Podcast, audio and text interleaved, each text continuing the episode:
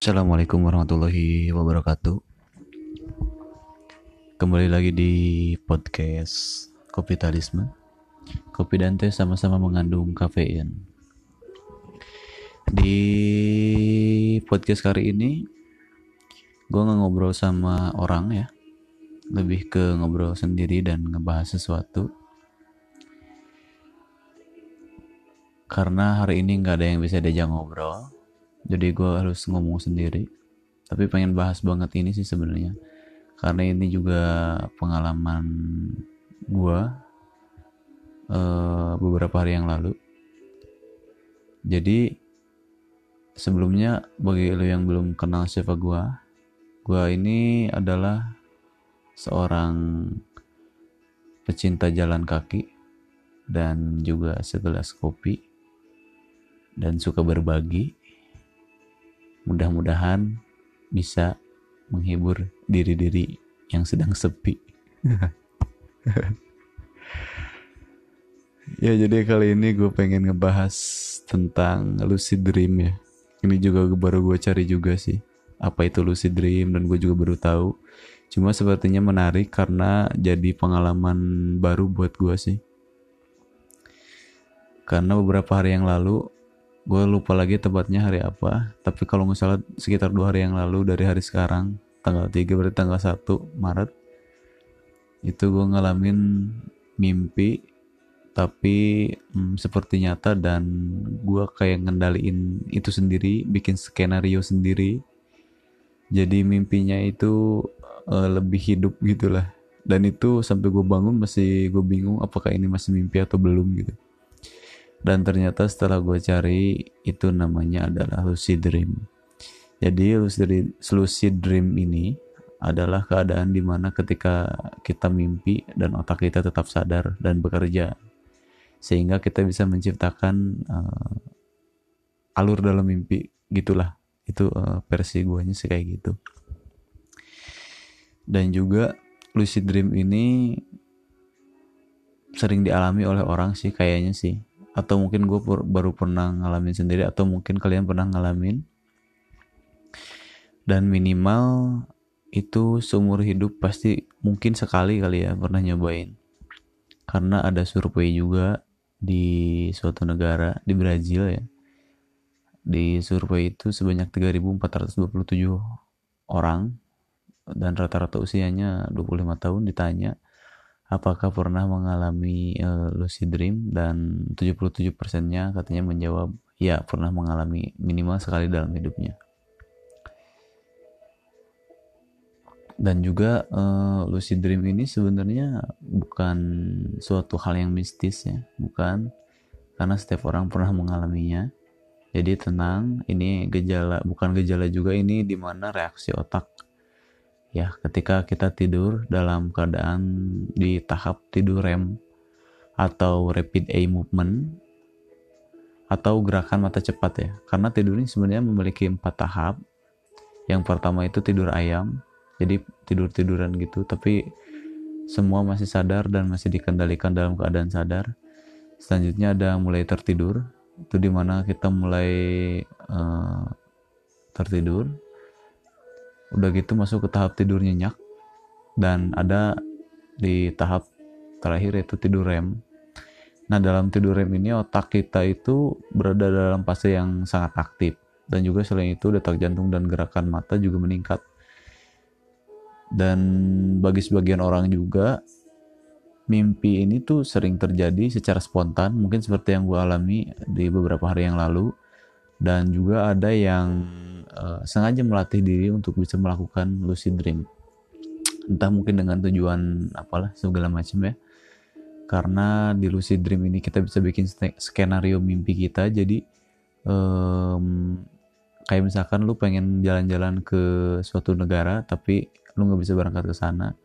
Ketika lu melakukan lucid dream mungkin lu bisa pergi ke sana walaupun itu hanya dalam mimpi gitu ya dan juga setiap orang juga uh, kemampuan mengendalikan lucid dreamnya itu berbeda-beda ya. Jadi uh, dan bervariasi bervariasi gitulah. Ada juga yang mampu memanipulasi cerita dalam mimpi. Itu untuk menciptakan hal-hal yang menyenangkan seperti yang gue contohkan tadi pergi jalan-jalan atau mungkin bagi para jomblo tahu kali melakukan uh, manipulasi apa dalam mimpi ya atau membentuk cerita apa. Dan juga ada juga yang biasanya langsung terbangun ketika menyadari dirinya tengah bermimpi gitu. Jadi mungkin dia ngerasa ah ini bener gak sih? Dan tiba-tiba dia bangun gitu. Tapi uh, kalau gue kemarin sih nggak langsung bangun tapi gue lebih menikmati dan membentuk alur cerita dalam mimpi gue itu sendiri.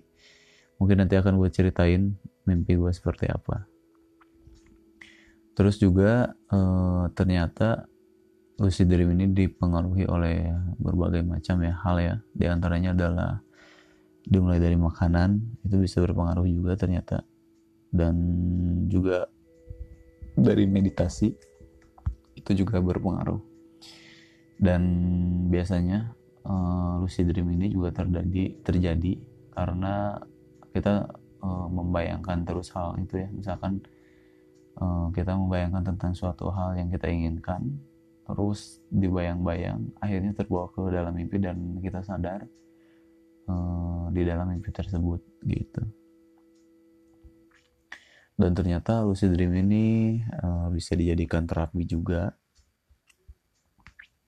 Jadi uh, lucid dream itu bisa digunakan untuk terapi mimpi buruk ya dan biasanya juga ini mempengaruhi kualitas uh, hidup seseorang gitu dan ini juga disebut dengan uh, terapi lucid dream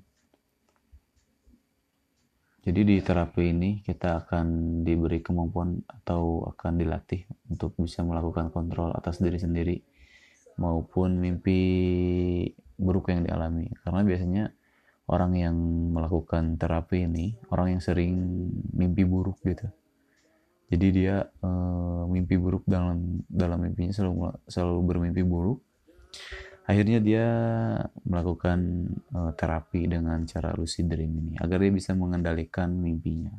Dan juga bisa membantu menghilangkan fobia juga ternyata di lucid dream ini ya.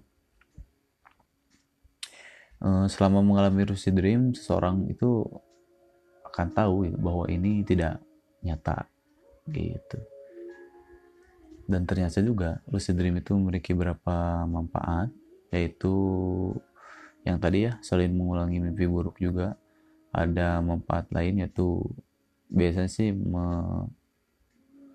mengurangi kecemasan gitu kan. Terus keterampilan motorik juga. Dan juga meningkatkan kreativitas. Walaupun belum dibuktikan secara sains